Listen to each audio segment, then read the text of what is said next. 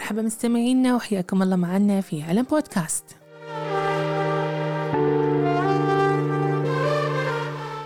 آخر هجرة خليجية كانت في منتصف القرن الماضي وتحديدا قبل تصدير النفط لعدة أسباب.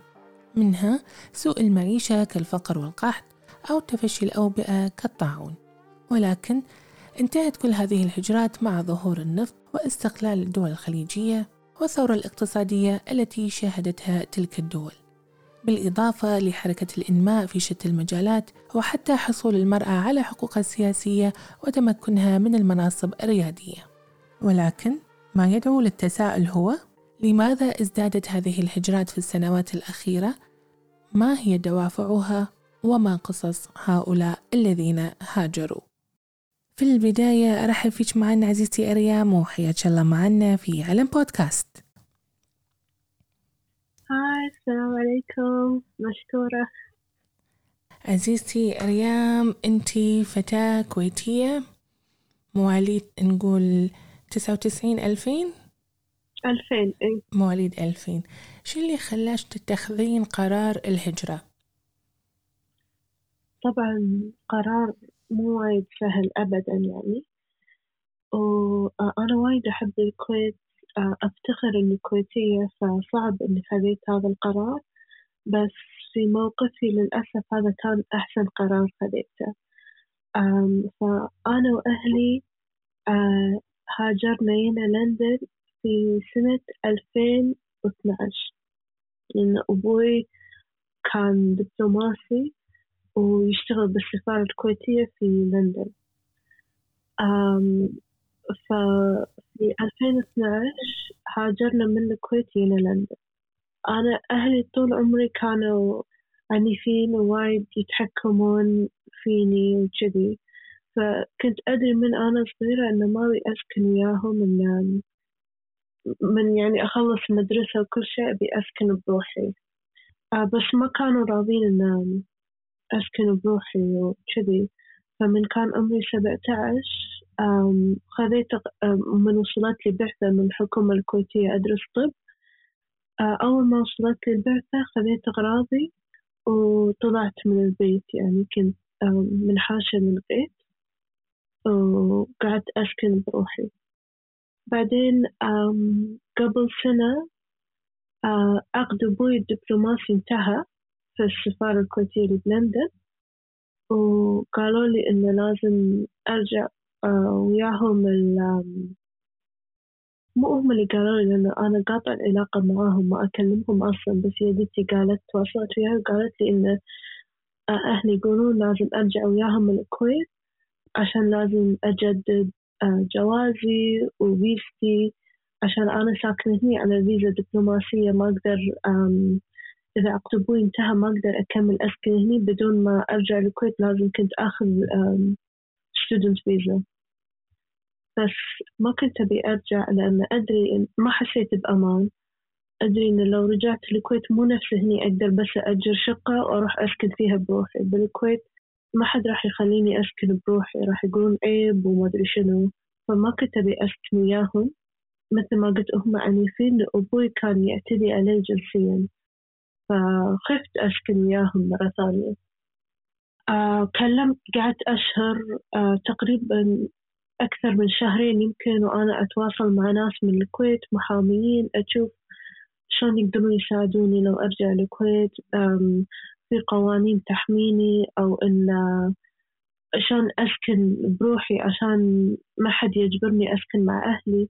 بس القانون مو معاي. أنا كنت قاصر كان عمري بس عشرين. ما حد من المحامين كانوا راضين يساعدوني. في ناس من كلمتهم وهم أصلا نصحوني إني أقدم لجوء شنو نوع العنف اللي تعرضتي له؟ إذا حابة تجاوبين لك مطلق الحرية. إي إي أكيد.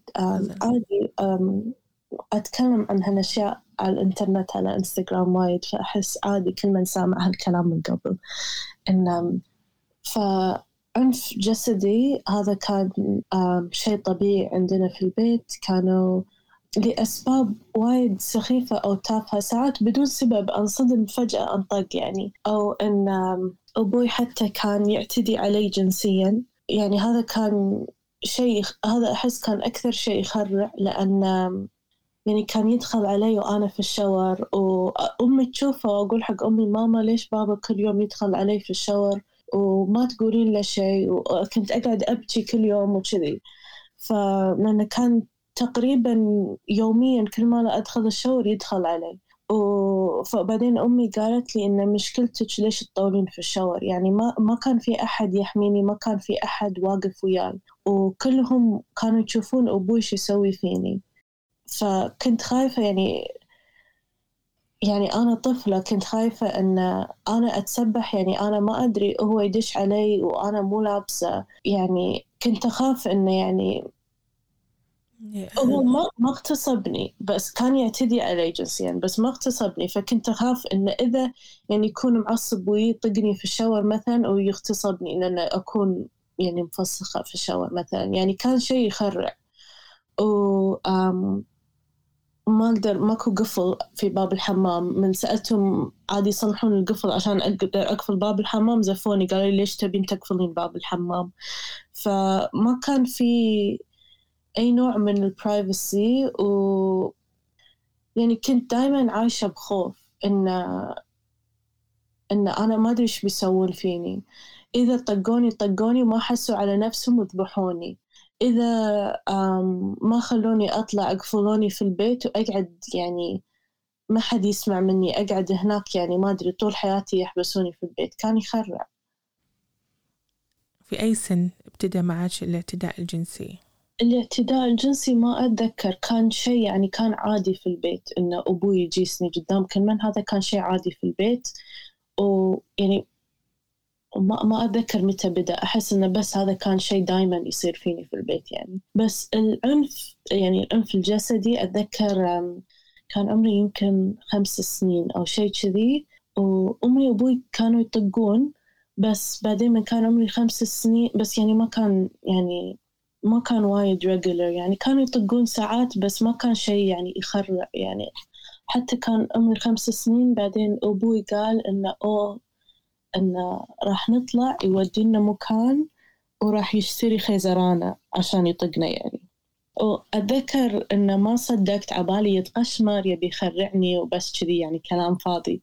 بس لا شرى خيزرانة وش اسمه وبعدين هني صار كل شيء صار وايد أسوأ يعني بالطق. فأتذكر هذا الشيء بس مثل ما قلت لك الاعتداء الجنسي ما أتذكر متى بدأ. يعني أتذكر أصلا أنا ما ما ما استوعبت إنه في شيء غلط لمن كان عمري يمكن 13 أو 14 زين شلون عرفتي أو شلون استوعبتي إن هذا الشيء أو هذا التصرف اللي يقوم فيه والدك إنه تصرف غير لائق؟ لأن كنت أتضايق وأقول له لا تجيسني وأصرخ عليه إنه بس وأدزه وأقول له لا تجيسني وخر عني. ما أدري يعني كان يقول إنه أوه أنا آسف ما كنت أدري راح يضا... راح تتضايقين ما راح أسويها مرة ثانية آخر مرة آخر مرة وما كان ي... كان يرد يسويها. فيعني إذا أنت تتأسف أكيد في شيء قاعد تسويه غلط. الحمد لله بعدين أنا وايد أحب أقرأ كتب. فكنت أقرأ كتب عن النسوية و آرائي وايد تختلف عن أهلي لأن كنت أحب أقرأ عن كذي أشياء أن أدري يمكن هم ما يدعمون هالأشياء أو ما يتفقون وياي فيها. فكنت كنت قاعدة أقرأ كتاب feminist uh, book اسمه Everyday Sexism by Laura Bates ال author وايد أحب هالكاتبة. فكنت قاعدة أقرأ الكتاب وكانت حاطة المعنى القانوني للإعتداء الجنسي في بريطانيا. وكان عمري يمكن 16 أو 15 كذي. وأتذكر من قريت المعنى قعدت أبكي أبكي لأن استوعبت أن هذا بالضبط اللي أبوي قاعد يسوي فيني وإن كل من قاعد يشوف وكل من يقول عادي عادي إن هذا أبوك وما حد قال شيء يعني ما حد وقف وياي ما حد كان قاعد يحميني من أبوي. وهو يدري إنه غلط لأنه يتأسف وهو مكمل يعني ما ما كان كان مكمل يعني he never stopped doing it. و فمن قريت المعنى هني استوعبت انه في شيء غلط وأول مرة استوعبت انه في كلمة أقدر أستخدمها عشان أعبر عن إيش قاعد يصير فيني. وبعدين طبعا كنت أقرأ أكثر عن الموضوع. أو مثلا يعني مرة شفت مسلسل إنه كان في ريال رايح طبيب نفسي ويقول حق الدكتورة إن أنا مريض وإن أنا خايف أسوي شيء في بنتي لأنه كان يدخل على بنته في الشاور. وأنا استغربت من شفت المسلسل قلت شنو يعني هذا شيء عادي؟ يعني أبوي يسوي فيني كل يوم داش علي في الشاور. ما استوعبت إنه في شيء غلط. لمن في هذا المسلسل في الحلقة في هذه الحلقة يعني أتذكر الدكتورة عصبت وقالت حق اللي يشتغلون وياها الدكاترة في العيادة يعني وقالوا إنه لازم ندق على الشرطة وهذا معتدي وكذي. فهني استغربت من الرياكشن مالهم وهني استوعبت مرة ثانية إنه أوه هذا بعد شيء غلط إنه أبوي يسوي يدخل علي في الشاور وأنا مو لابسة وكل من يشوف وأمي تشوف وتقول إن أنا المشكلة لأن طولت في الشاور وما أدري شنو إنه هم غلط مو أنا اللي غلط. أنت هل تعتقدين الوالد كان بيدوفيليا؟ ما أدري ما أدري. ما أحس إن أحس ما أبي أستخدم كلمات صحيح جدا صعبة صح. إيه بس وإذا تبيني أشيلها بعدين في المونتاج ترى عادي أشيلها. لا لا عادي عادي. إنه وايد يسألوني هالسؤال يعني أحس إنه ما أعرف يعني ما أعرف شلون أجاوب بس أحس ما تعرفين ولا يحس في خاطرك إنك تصفين والدك بهذه الصفة؟ آه، أحس both of them. نعم. يعني حتى لو حتى بعد كل شيء أحس إن أحس صعب إني أستخدم هذه الكلمات عشان أوصف أبوي يعني. بس حتى يعني أنا أدري إنه ما يعتدي مو بس أنا ما يعتدي علي بس أنا يعني. كان كان يرد البيت من حفلات السفارة آه السفارة الكويتية كانوا يسوون حفلات اليوم الوطني عيد التحرير كذي أشياء. كان دائما ما يخليني أنا أروح الحفلات. حتى لو آه كل ربعي الكويتيين كانوا يروحون فكنت أقول له إنه يعني بابا كل ربعي كانوا يروحون ليش ما تخليني أنا الوحيدة اللي قاعدة في البيت ما تخليني أروح الحفلة؟ ويعني أبوي بيكون هناك يعني ما راح أروح بروحي يعني أبوي بيكون معاي وكل أصدقائي بيكونون هناك بس ما كان يخليني. ومن كنت أسأله ليش يقول لي ما يصير أخليك عيب زحمة أنا أمشي وأقدر آسفة يعني توني أستوعب آسفة على الألفاظ بس إن هذا هو كلامه يعني هو يعترف يعتدي على النساء جنسيا يعني هو حفلة حفلة السفارة ويسوي كذي أشياء في النساء اللي هناك فيعني فكذي إن أنا ما يصير أروح لأن خايف أحد يسوي فيني مثل ما هو يسوي في البنات هل حاولتي تلجئين لمحامين أو طلب مساعدة من حماية الطفل أو حماية المعنفات؟ إيه كلمت آه، محامين كلمت أكثر من محامي. آه، سألت أول شيء أول شيء كنت خايفة ما كنت أعرف أثق بمنه لأن أبوي عنده واسطات فكنت خايفة لو أكلم أحد يوصل الخبر آه، لأمي أو أبوي إن أنا قاعدة أكلم محامين وإن كنت خايفة من هالوضع فأول شيء كلمت أصدقائي ولما أعرف ربعي عندهم قالوا لي إن هم يعرفون بعائلتهم محامين وكذي. فقلت أوكي. أكلم أصدقائي لأني أثق فيهم وهم يعرفون كانوا عن الموضوع وكل شيء ويكلمون المحامين اللي يصيرون لهم بالعالم. وقالوا لي كلهم قالوا لي نفس الكلام إنه ماكو شيء راح يحميني بالكويت. من أرجع الكويت ما يصير أسكن بروحي راح يكون إنه قصد راح أفترض أسكن مع أهلي. وطبعا مستحيل يعني شلون نفس ما قلت أبوي يعتدي علي جنسيا وكله يطقون وكذي وأسكن معاهم ما يصير حسيت يعني مستحيل. وخاصة هذا عقب ما أنا هديتهم ومنحاشة عن البيت حسيت يعني أكون بخطر أكثر من قبل من كنت صغيرة ساكنة وياهم لأن هم الحين معصبين إني أنا هديت البيت. هم عند هم وايد يعني كونسرفتيف عندهم انه يعني عيب ما يصير شلون بنت تسكن بروحها وأنا هديت العائلة ومشيت عنهم هذا عندهم وايد عيب. مستحيل كنت أرجع. وكل من كل المحامين اللي كلمتهم قالوا لي مستحيل ترجعين ان قدمي لجوء وحاولت أكلم نسيت منو هم؟ أعتقد مجتمع الحرية أو شيء liberation society نسيت شنو كان اسمهم. إن كان عندهم توم كانوا منزلين خط للتواصل للمعنفات. وكلمتهم وقلت لهم قصتي وقلت لهم إن في شيء يحميني بالكويت؟ وقالوا لي ما يصير لأن أنا قاصر لازم أكلم حماية للأطفال. بس أن ما حسيت يعني لو هم بس يشوفوني إن أنا قاصر وأنا طفلة حسيت إن ما حد راح ياخذني بجدية ما حد راح يساعدني. زين وحاولتي تتواصلين مثلا مع نقول الحقوقيين اللي موجودين في داخل الكويت؟ يعني غير المحامين. أنت قلتي تواصلتي مع محامين وبعض المحامين أيدوا قرار الهجرة أو أو نصحوش بأنك أنت تقدمين على هذه الخطوة. نتكلم بالنسبة للحقوقيين اللي موجودين أو الناشطين على تويتر ووسائل التواصل الاجتماعي. هل حاولتي تتواصلين معاهم أو أن مثلا يكون في نوع من أنواع المساعدة؟ أحس مساكين بالك... ما دام هم ساكنين بالكويت يعني أنا الحمد لله لأني مو ساكنة في الكويت فأتكلم أقول كل اللي بقلبي الناس اللي بالكويت خايفين يتكلمون. ففي ناس يدزون لي مسج يقولون لي هاي أريام أنا ساكنة في الكويت فخايفة أتكلم. ممكن تتكلمين عن هذا الموضوع وهذا الموضوع. يعني الناس خايفة. وأنا أحس هذا شيء غلط. المفروض يعني ليش الناس خايفة من الحكومة؟ ليش الناس خايفة إن يعبرون عن مشاعرهم أو يعبرون عن الحقوق الناقصة في البلد؟ النهاية لجأتي لل social media وتكلمتي في هذه المواضيع شنو كانت ردة فعل الناس؟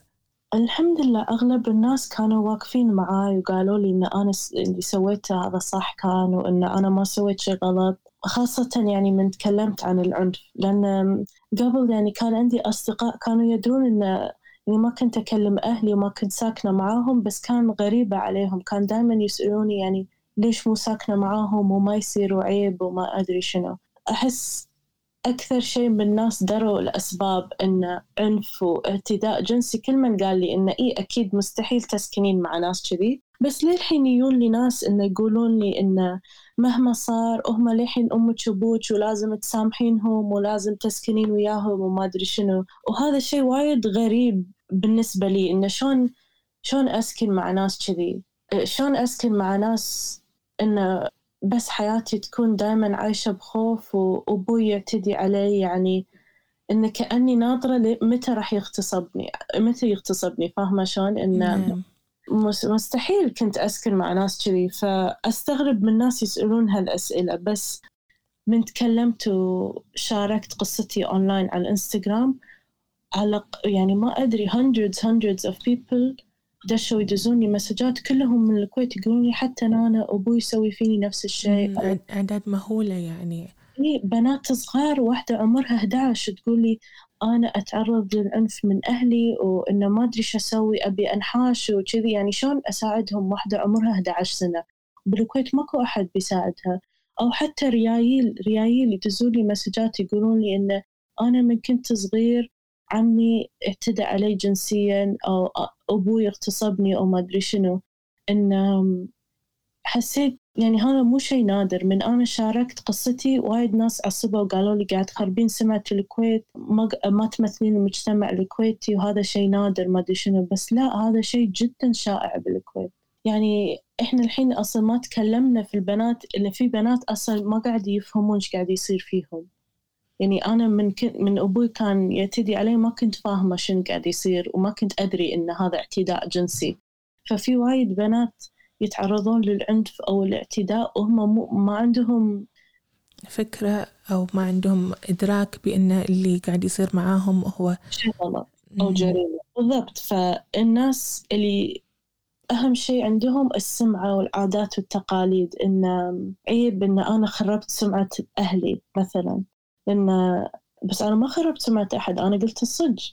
وهذا الصج اللي هم سووا فيني وما حد بسوي فيهم شيء ما تحاسبوا يعني عن جرايمهم نفس ما قلت أهم شيء عندهم العادات والتقاليد إن مهما صار عيب بنت تسكن بروحها. بس يعني ما عندي another option شنو الالترناتيف أسكن مع ناس كذي طول عمري ما يصير يعني. هم بعد مثل ما قلت لك conservative يعني ما يصير أطلع من البيت ما يصير ما أدري شنو بس بنفس الوقت في وايد ناس هم مو فاهمين عبالهم لأن من أنا تكلمت إني أو قدمت لجوء هم عبالهم إنه شيء سهل ووناسة وإن إنه أوه وناسة يعني رايحة تسافر تسكن برا الكويت في رايحة لندن يعني هم مو فاهمين إن هذا شيء جدي مو ماخذينه بجد.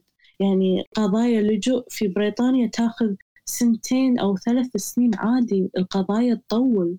فهم أحس في وايد ناس مو فاهمين هالشي فقاعد أحاول كثر ما أقدر إن لأن في ناس ساعات يسألوني يبون نصايح عن اللجوء. من أنا قدمت كنت أدري إنه هو شيء صعب وإنه ما راح يكون عندي فلوس وراح أعاني وإنه عادي يمكن قضيتي تاخذ ثلاث سنين بس كنت أدري إنه ما عندي يعني خيار ثاني وإن هذا أحسن شيء في موقفي. فقاعد أحاول كثر ما أقدر إن أوضح هذا الشيء للناس. إنه مو كل واحد يقدم لجوء وهو شيء وايد صعب لازم يكون عندك أدلة. وإن أنت حياتك في خطر. يعني الحمد لله أنا قضيتي يعني حتى ما ما ما كلموني interview يعني لازم يسوون مقابلة full interview أكثر من ساعة أو ساعتين كذي في شخص يقدم لجوء أنا أصلا ما سألوني ما طلبوا مني مقابلة لأن كان عندي وايد أدلة الحمد لله. يعني كان عندي تهديد من أهلي وريتهم إياه. كان عندي مسجات من أهلي اعترفوا بكل شيء اعترفوا بالاعتداء الجنسي والعنف وكل شيء. كان عندي تقارير من أطباء كان عندي تقارير من ست أطباء أعتقد. فكان عندي الحمد لله وايد أدلة إن هذا الشيء صار فيني وأنا ما قاعدة أكذب وإن أنا حياتي بخطر. طبعا مثل ما قلنا قوانين الكويت ما تحمي فهذا الشيء وايد ساعدني في قضيتي لأن بس كنت كان بس اللجوء اي بس كان لازم أوريهم قوانين الكويت ويشوفون يعني مادة 153 اللي يسمح آه، بقتل الشرف. إن مجتمع جدا ذكوري ما يحمي النساء فما تحتاجين أدلة. أي واحد يقدر يقول آه، جريمة شرف ويحاول يذبح أي أحد في العائلة يعني شيء يخرع. والشيء الثاني أعتقد مادة 182 مو متأكدة برقم المادة في القانون الكويتي نعم. إنه يسمح للمغتصب أو المعتدي إنه يتزوج ضحيته. اي يتزوج ضحيته وإنه ما راح ما يعني ما يتحاسب على الجريمة. أو إنه حتى لو ريال يخطف بنت لو يتزوجها ما راح يتحاسب. وحتى نفس الشيء تجيلي مسجات من بنات يقولون لي يعني مسكينة بنت قالت لي كان عمرها 18 وواحد اغتصبها وقالت حق أهلها وأهلها قالوا له إنه أنت الحين اغتصبتها فلازم تتزوجها عشان يعني ما يتحاسب. وهو تزوجها ويعني أكيد الزواج كله بيكون بس هو قاعد يغتصبها مسكينة وبعدين هدها وانحاش. يضيق طبعا أكيد.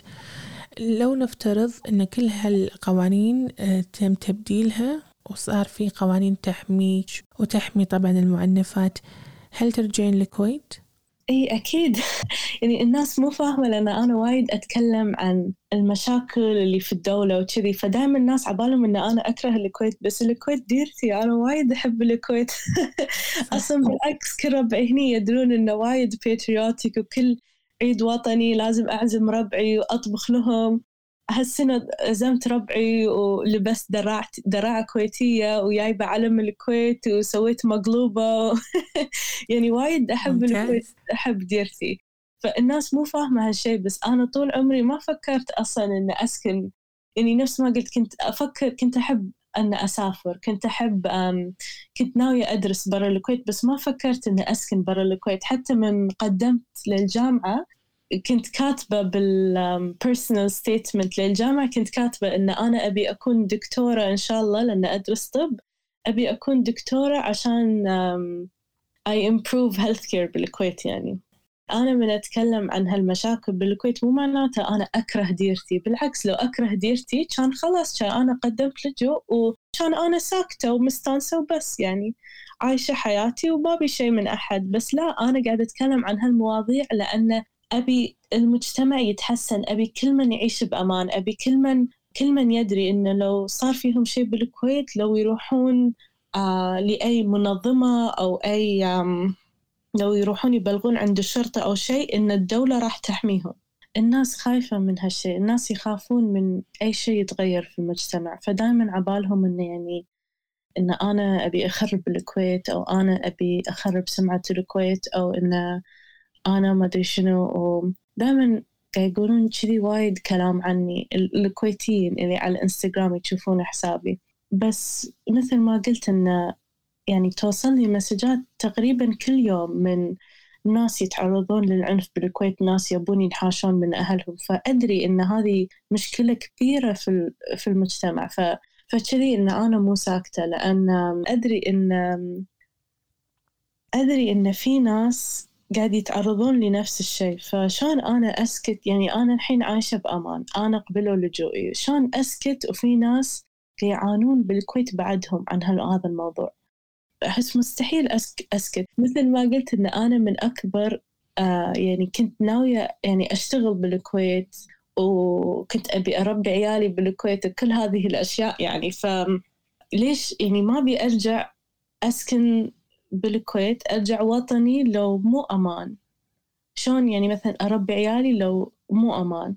فدائما أفكر في المستقبل إن شلون آه شلون نقدر كلنا نتعاون ونتأكد إن الكويت آمنة للجميع. يعني هذا الهدف وايد آه، جميل وسامي. زين أنا في سؤال افتراضي آه، بسأله يعني أنا دائما أسأل كل المهاجرين. زين هو سؤال افتراضي. يعني في حال اندلاع حرب ما بين الكويت وبريطانيا كونك الحين خلاص قدمتي لجوء وراح يعني تستقرين في بريطانيا انتمائك وين يكون. في حال اندلاع حرب ما بين الكويت وبريطانيا إلى أي بلد يكون انتماء ريام آه أول أول شيء فكرت فيه أكيد الكويت. يعني أنا يعني أنا الحين ساكنة بلندن صار لي عشر سنين بس ما زلت كويتية يعني مستحيل أقول عن نفسي إن أنا بريطانية. فهذا أول شيء فكرت فيه الكويت بس بعدين قاعدة أفكر إنه حسب يعني ما أدري سبب الحرب أو يعني لازم أقرر أشوف شنو الفاليوز on each side. يعني ما أبي أكون إنه بس عشان أنا كويتية أحب الكويت ودائما أوقف مع الكويت وأسكت عن مشاكل الدولة. أحس راح أكون منافقة. الحين أنت شنو آه، أول شيء خلينا خل نطلع من الأجواء هذه وأسألك أنت شنو وين تشوفين نفسك بعد عشر سنوات؟ إن شاء الله أكمل لو أكمل دراستي وأنجح. وهو صعب بس إن شاء الله, إن شاء الله. أتخرج وأكون دكتورة. ودي أكون دكتورة أطفال pediatrician شيء حلو. نستضيفك في المستقبل في البودكاست في تخصصك إن شاء الله. ودي إن أنا مو ناوية أتزوج بس ودي أتبنى عيال. فأحس شيء حلو ودي أتبنى عيال. ودي يكون عندي كذي مزرعة وكلها حيوانات وايد أحب الحيوانات. شيء حلو جميل. والسبب إنك ما تبين تتزوجين هل هو متعلق بشيء الماضي أو بسبب الأشياء اللي مريتي فيها في الحياة؟ آه لا أنا دائما يعني ما أدري. أنا أول شيء أنا لا جنسية فأنا asexual فما أشعر بانجذاب جنسي فما أتخيل نفسي أتزوج. أحس شيء غريب ما أتخيل نفسي أتزوج. فأحس لو لو بتزوج أم إنه ما أدري صعبة. لازم أدور لي واحد asexual نفسي وانه يكون عندنا similar values. أحس شوي صعب. هذا بحد ذاته يبي له حلقة اللي هو ال asexual اللاجنسيين. إي إي إي تكفين. ابي شيء حلو. أحس ان شاء الله دائما في العربي ما نسمع عن الموضوع. بس إي فما أحس فكذي يعني ما أتخيل نفسي أتزوج. و بس إن ما أحس غريب علي إن أنا دائما كنت وايد كذي independent وكذي فما أتخيل إني عايشة حياتي وإن فجأة في شخص معاي ساكن معاي في البيت وشيء غريب ما أدري. ف بس إنه ودي أتبنى عيال إن شاء الله. إن شاء الله. تنصحين بكل البنات اللي خلينا نقول معنفات يقبلون على الهجرة؟ أم من يسألوني هالسؤال الضحايا أول شيء أقول لهم إنه لو في خيار ثاني لو في أي أحد يقدر يساعدهم بالكويت مثلا إنه ما أنصح بالهجرة لأنه وايد صعب. لأن مثل ما قلت إن الحمد لله أنا قضيتي كانت بسرعة بس آه ستة أشهر قبلوا لجوئي بس أنا كنت ساكنة هني اوريدي وكان عندي وايد أدلة. عادة الناس ما ما يكون عندهم أدلة ما يكونون يعني رايحين دولة جديدة أول مرة يروحون لها. ما عندهم أهل في الدولة ما يعرفون ناس في الدولة. فوايد صعب. وراح يعانون ماليا آه، الحكومة البريطانية يعني يعطون اللاجئين يعطونهم أعتقد بس 15 pound في الأسبوع. و...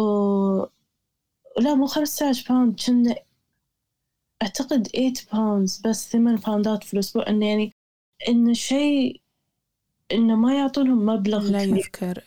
إنه شيء وايد صعب أحس حق الناس إنه يهدون كل شيء يعرفونه في دولتهم ويون وحياتهم كلها تنقلب يوم وليلة كل شيء يتغير. فكذي كثر ما أقدر لو هم عندهم خيار آمن إنه بدون ما يهدون أهلهم أو بدون ما يقدمون لجوء أنصحهم بهالشيء بس مثل ما قلت إنه في وايد مواقف إن هذا الشيء مستحيل نفس موقفي. فلو في ناس إن ما عندهم خيار غير اللجوء أو الهجرة أكيد أنصحهم في هالشيء لأن أهم شيء إنه يعيشون بأمان. لو نفترض الحين في حد مثلا قاعد يسمعنا نفترض يعني إن من المسؤولين اللي أو من أصحاب القرار في داخل الكويت. شنو الأشياء اللي, اللي تتمنينها؟ يعني شنو الأشياء اللي المفروض تكون موجودة في الدولة؟ مثل ما أنت ذكرتي مساعة يكون في دور إيواء للمعنفات. هو حاليا في في دار إيواء توم فاتحينه بالكويت أعتقد فبراير. توم فاتحينه قبل كم شهر فهو موجود الحين. بس قاعد لي حالات قاعد أسمع قصص من دار الإيواء تخرع. يوعون المعنفات ويهددونهم إنه يردونهم لأهلهم العنيفين. يعني شلون ترد؟ يعني بنات هذول البنات اللي جايين دار الإيواء حرفيا كانوا بين الحياة والموت إن أهلهم حاولوا يذبحونهم. شلون تردونهم عند أهلهم أو تهددونهم تخرعونهم إن تردونهم لأهلهم؟ فأعتقد إن أول شيء لازم يكون في دار إيواء ثاني مو بس واحد. أو ولازم يعلنون إن حرفيا فعلا في دار إيواء لأن هم ما أعلنوا عن هالموضوع. وصاير يعني شيء سري إن أنا ما سمعت ما كنت أدري عن الموضوع إنه ما حد كان يدري إنه في دار إيواء. لمن واحدة من الضحايا دزت لي مسج وقالت لي هي مريم. إن قالت لي إن أنا في إيواء أنا في دار الإيواء بالكويت. لازم أكيد لازم كل شيء يتغير في هذا الإيواء. إذا بيبون موظفين في الإيواء لازم يكونون آه professionally trained إنه يفهمون شلون يتعاملون مع الضحايا ويعرفون يعني ما يصير يلومون الضحايا إنه يعني مريم كانت تسولف لي تقول إنه كانوا يقولون لها إنه أنت شنو سويتي؟ ليش أهلك حاولوا يذبحونك؟ شنو سويتي؟ يعني ماكو تبرير للعنف قاعد آه قاعدين يلومون الضحية على سبب التعنيف. إي إي فأحس هذه أشياء تخرع. يعني شلون طبعا. شلون كذي دار إيواء يسوون كذي في الضحايا؟ فإن أحس أكيد لازم في دار إيواء ثاني وإنه مو بس واحد كذي فاتحينه. وما أعلنوا يعني بس ما يقبلون حالات وايد يعني فأكثر ش... أكثر الضحايا ما يعرفون أصلا إن هذا الشيء موجود. أحس هذا الشيء لازم يتغير لازم يكون في تعليم عن العنف للأطفال في المدرسة. يعني توعية حملة توعوية؟ عشان لأن مثل ما قلت لك إن أنا ما فهمت إنه كان قاعد يصير فيني شيء غلط في البيت. لمن قريت كتب عن الموضوع و تعلمت عن الموضوع. يعني من, من نقول من باب الصدفة يعني لو ما الصدفة اللي خلتش تقرين كتاب أو تشوفين مسلسل كان ما عرفتي إنك أنتي ضحية أو كنتي معنفة.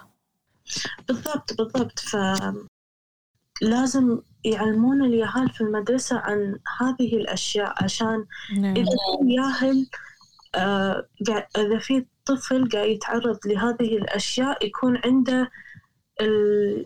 يكون يعرف يعبر عن إيش قاعد يصير فيه. ولأن حتى يوصل لي مسجات من مدرسات بالكويت يدرسون يعني أطفال primary school آه ويقولون لي إن يشوفون كدمات على أجسام الأطفال ويحاولون يبلغون عند مجتمع حماية الأطفال حاولوا يبلغون وحرفيا يقولون لهم إنه ما يصير نتدخل هذه مشاكل عائلية خاصة. يعني فهذا الشيء غلط لازم يتغير لازم إنه ما يكون عندنا هذه الفكرة إن يعني مهما الأهل يسوون إن الأهل صح والطفل غلط إن في أشياء الأهل يسوونها غلط. يعني شلون طفل يجي المدرسة وجسمه متروس كدمات الأهل يضربونهم ما يصير. وحماية الأطفال يقولون للمدرسين إن هاي مشاكل عائلية خاصة ما يصير نتدخل فيها. يعني هذا الشيء غلط في المجتمع إن إحنا نبرر أي عنف أو أي أفعال من الأهل بس يعني عشان إنه أو هم الأم والأبو. ما يصير. يعني أنا نفس الشيء من قدمت لجوء في ناس قالوا لي هذا الشيء وحتى من دروا عن الاعتداء الجنسي وكل شيء قالوا لي إنه مهما صار هو الحين أبوك لازم تسامحينه لازم أنتي تعلمينه إنه ما يسوي كذي ولازم تسامحين أمك وتعلمينها. ليش أنا أربي أمي وأبوي؟ مو هم الأم والأبو يربون العيال ليش أنا أقعد أربيهم؟ فأنا أحس نفس الفكرة إن هم هذول الحين يشتغلون في حماية الطفل ويرفضون يحمون الطفل عشان ما يبون يتدخلون في مشاكل عائلية. يعني هذه وظيفتكم ليش فاتحين مكتب؟ صحيح إي. الحين قاعدين يقولون لي مكتب حماية الطفل اللي هو يتبع وزارة الصحة. تقصدين صح؟ اللي ممكن هو أو ممكن الجمعية الوطنية. اي رقمهم 147 أعتقد إن أيوة. عندهم هوت لاين بالكويت بس أيوه مكتب حماية الطفل. مكتب حماية الطفل بس مثل ما قلت لك إنه ماكو فايدة ناس قاعد يقولون يكلمونهم ما يساعدون. شنو فايدتكم عاي ليش فاتحين مكتب؟ أحس بس شو؟ شيء يعني شكلي يعني تشوفينه مو شيء شكلي عشان من الناس مثلي يقولون إن ماكو حماية للأطفال ماكو حماية من العنف. بالكويت يقولون لا أكو حماية تشوفوا هذا المكتب. نعم. بس شكل فاتحينه بس هم ما يسوون شيء. يعني شنو قاعد يسوون؟ شلون قاعد يستفيدون المجتمع؟ حاولتي تتبنين قضية المعنفات أو هل في المستقبل عندك طموح بعمل حملة لإنقاذ المعنفات أو ضحايا العنف الأسري؟ أكيد أكيد. أتمنى في المستقبل أن أفتح لي إيواء بالكويت أو أي شيء أساعد فيهم الضحايا لأن يعني يكسرون خاطري إن أنا بلندن ما أقدر أساعدهم إني ما أقدر أنا أخذهم من بيتهم أحطهم مكان آمن. لأن أنا في دولة ثانية. فأتمنى في المستقبل إن أقدر أفتح مشروع أو شيء إن أحمي الضحايا بالكويت. مو بس في الكويت يعني في كل مكان طبعا بس خاصة في الكويت. لأن هذا الشيء ناقص في المجتمع. أو إن راح أكمل أتكلم عن هذه المواضيع وما أدري نفتح حملة نبدي حملة إن إلغاء مادة 182 مثلا أو لأن أدري إن لازم قوانيننا تتغير لازم قوانين تحمينا خاصة الشيء اللي الناس ما يتكلمون عنه وايد اللي يشوفونه أوه هذا عادي شيء عادات وتقاليد إن قوانين ولاية الأب. إن هذول الميل جاردينشيب لوز يعني في الإنجليزي إن هم ما يشوفون إن شلون هذه القوانين تضر حمايتنا. مثل ما قلت لك يعني لو لو هذه القوانين مو موجودة في الكويت لو مثل بريطانيا أقدر أنا أسوي لأنه مو قاصر أقدر أسوي أوراقي وكل شيء في الكويت بروحي كان ما كان يحتاج أقدم لجوء كان عادي. أأجر لي شقة أسكن فيها أأجر لي غرفة في فندق أسكن فيها وأنا من إني كان مفروض أرجع الكويت قبل سنة. بس آم بسبب هذه القوانين اللي ولاية الأب وكذي إنه كان مستحيل أسوي شيء بدون إذن أبوي. وأنا أشوف إن هذا شيء غلط لأنه يمنع المرأة تعيش ب يعني independently فلازم طول عمرنا طول عمرنا يعني we have to rely on men عشان نسوي أي شيء.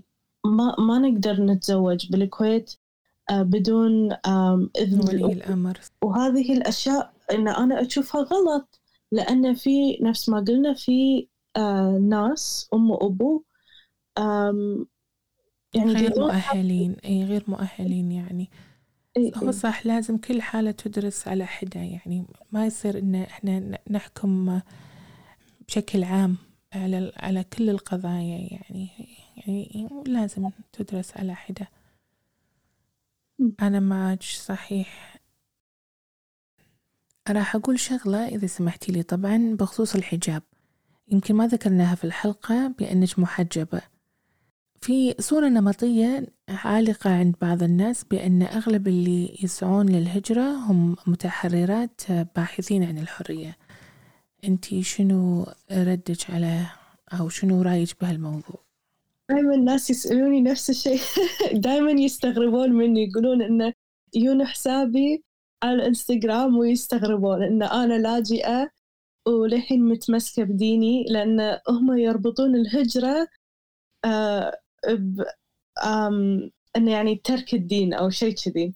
ودائما الناس مو مصدقيني عبالهم إنه ما دام أنا متحجبة معناته أمي وأبوي يقصبوني أتحجب بس لا.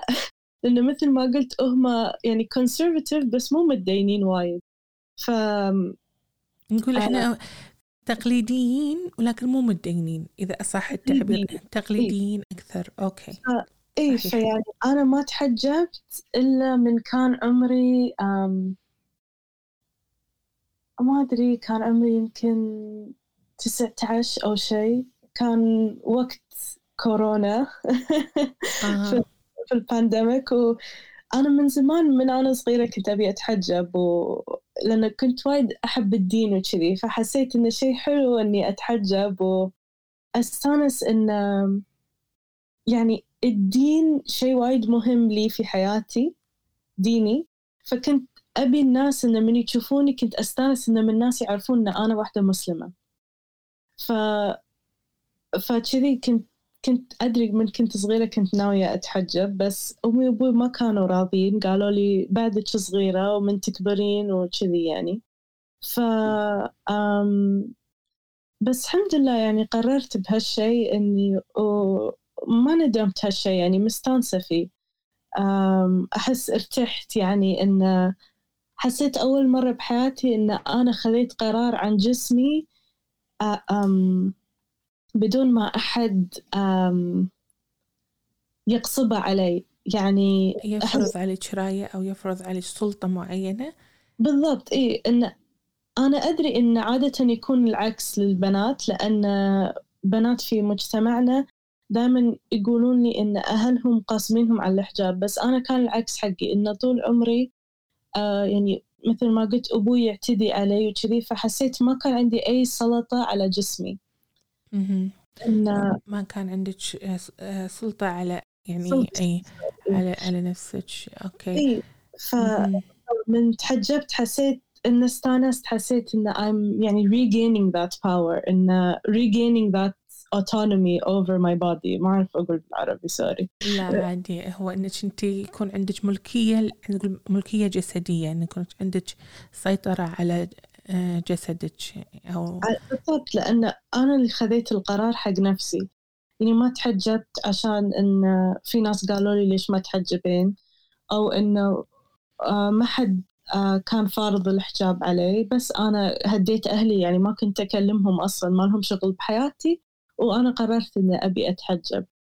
فأدري إن نفس ما قلنا ناس يستغربون من هالشيء و إن بس إن أحس يعني هو الاستغراب لأن في حتى يعني أنت اللي بعض القضايا اللي ممكن تكون مثيرة للجدل أو القضايا اللي تعارض الشريعة الإسلامية. يعني ما أدري إذا تسمحين لي أدخل في يعني موضوع اللي اللي هو المثلية الجنسية LGBT إي بس إن الناس أحس فاهمين هذه الأشياء غلط. إن حسيت أكو وايد جهل في مجتمعنا إنه مو فاهمين مثلا إن هذا شيء بيولوجي هذا شيء الناس ما يختارونه. يعني الناس ما يقومون من, آه، من النوم ويقررون أنا اليوم بكون مثلي. مو كذي الوضع. هذا شيء بيولوجي الناس ما يختارونه. ولو ما أدري لو لاحظتي على حسابي أبدا ما قلت إنه حلال إنه واحد ينام مع واحد أو شيء كذي يعني sorry على الكلام بس ابدا ما قلت هالشيء لأن ما أناقش الناس في الدين لأن كل واحد وآراء الدينية كيفهم يعني صحيح. بس أنا أنا بس اللي قلته انه كل إنسان including يعني queer people حتى المثليين يحتاجون حقوقهم الإنسانية ويحتاجون إنه يعيشون بأمان هذا الشيء ما حسيت إنه يكون في جدال عن هالموضوع بس الناس يتكلمون عن الدين وما شنو يعني أنا مسلمة نفسكم أنا ما قاعدة أتكلم عن الدين وشنو حرام وحلال أنا بس قاعدة أقول إنه بغض النظر عن آرائكم الدينية أو معتقداتكم الشخصية كل إنسان يح يستحق إنه يعيش بأمان هذا ما له شغل في الدين ما حسيت له شغل في الدين.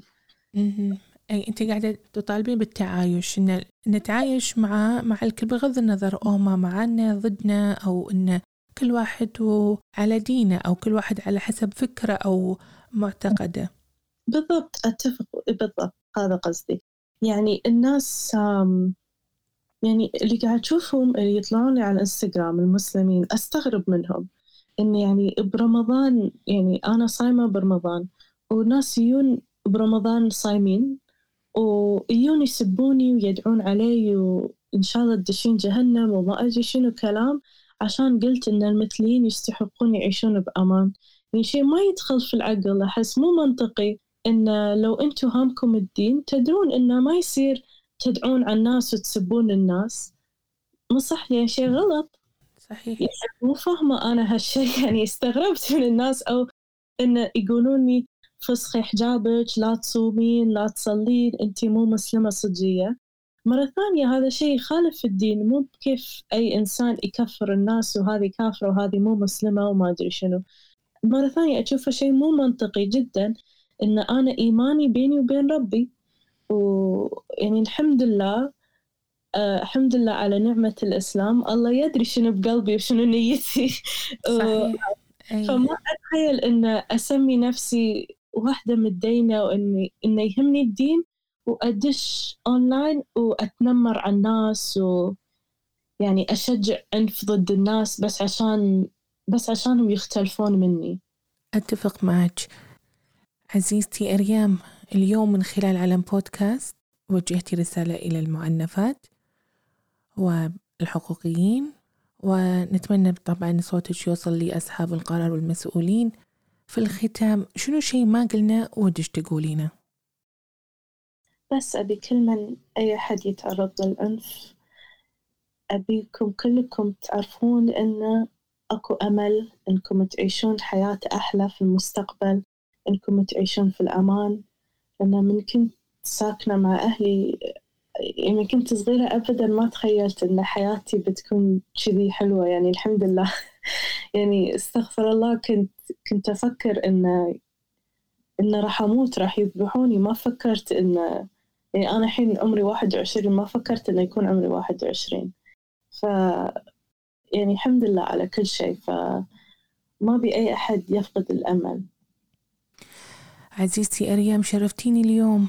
أنتي مثال للبنت أو الفتاة الشجاعة القوية رغم المعاناة والظروف اللي مريتي فيها إلا أنك تحاولين على قدر المستطاع نشر الوعي ومساعدة الآخرين وخاصة البنات أو المعنفات اللي مروا بنفس التجربة الأليمة اللي مرتي فيها. بالتأكيد جزء كبير من الحلقة كان ثقيل على النفس. بلا شك وموضوع العنف والتحرش الجنسي موضوع مو سهل على مسامع المتلقي وقد يبقى عالقا في الأذهان لفترة طويلة. فما بالكم حال المعنفات؟ أتساءل هل تلك الصور والأصوات العالقة في أذهان الضحايا ممكن أن تتلاشى في حال تمت معاقبة المعتدين أم سترافق الضحايا طوال حياتهم؟ برأيكم. هل يكمن الحل بالعقاب أم بسن قوانين جديدة محكمة؟ هذه دعوة لكل المهاجرين. من ضمن سلسلة من الحلقات بعنوان المهاجرون الخليجيون الجدد نسلط الضوء على قصص المهاجرين وتجاربهم والأسباب التي دفعتهم للهجرة. فمن لديه الرغبة والاستعداد للمشاركة في برنامج علم بودكاست نرجو فضلا التواصل معنا بشكل مباشر على جميع منصات التواصل الاجتماعي. at علم underscore podcast. شكرا لحسن استماعكم مستمعينا. كانت معكم أمل اليوسف وهذا علم بودكاست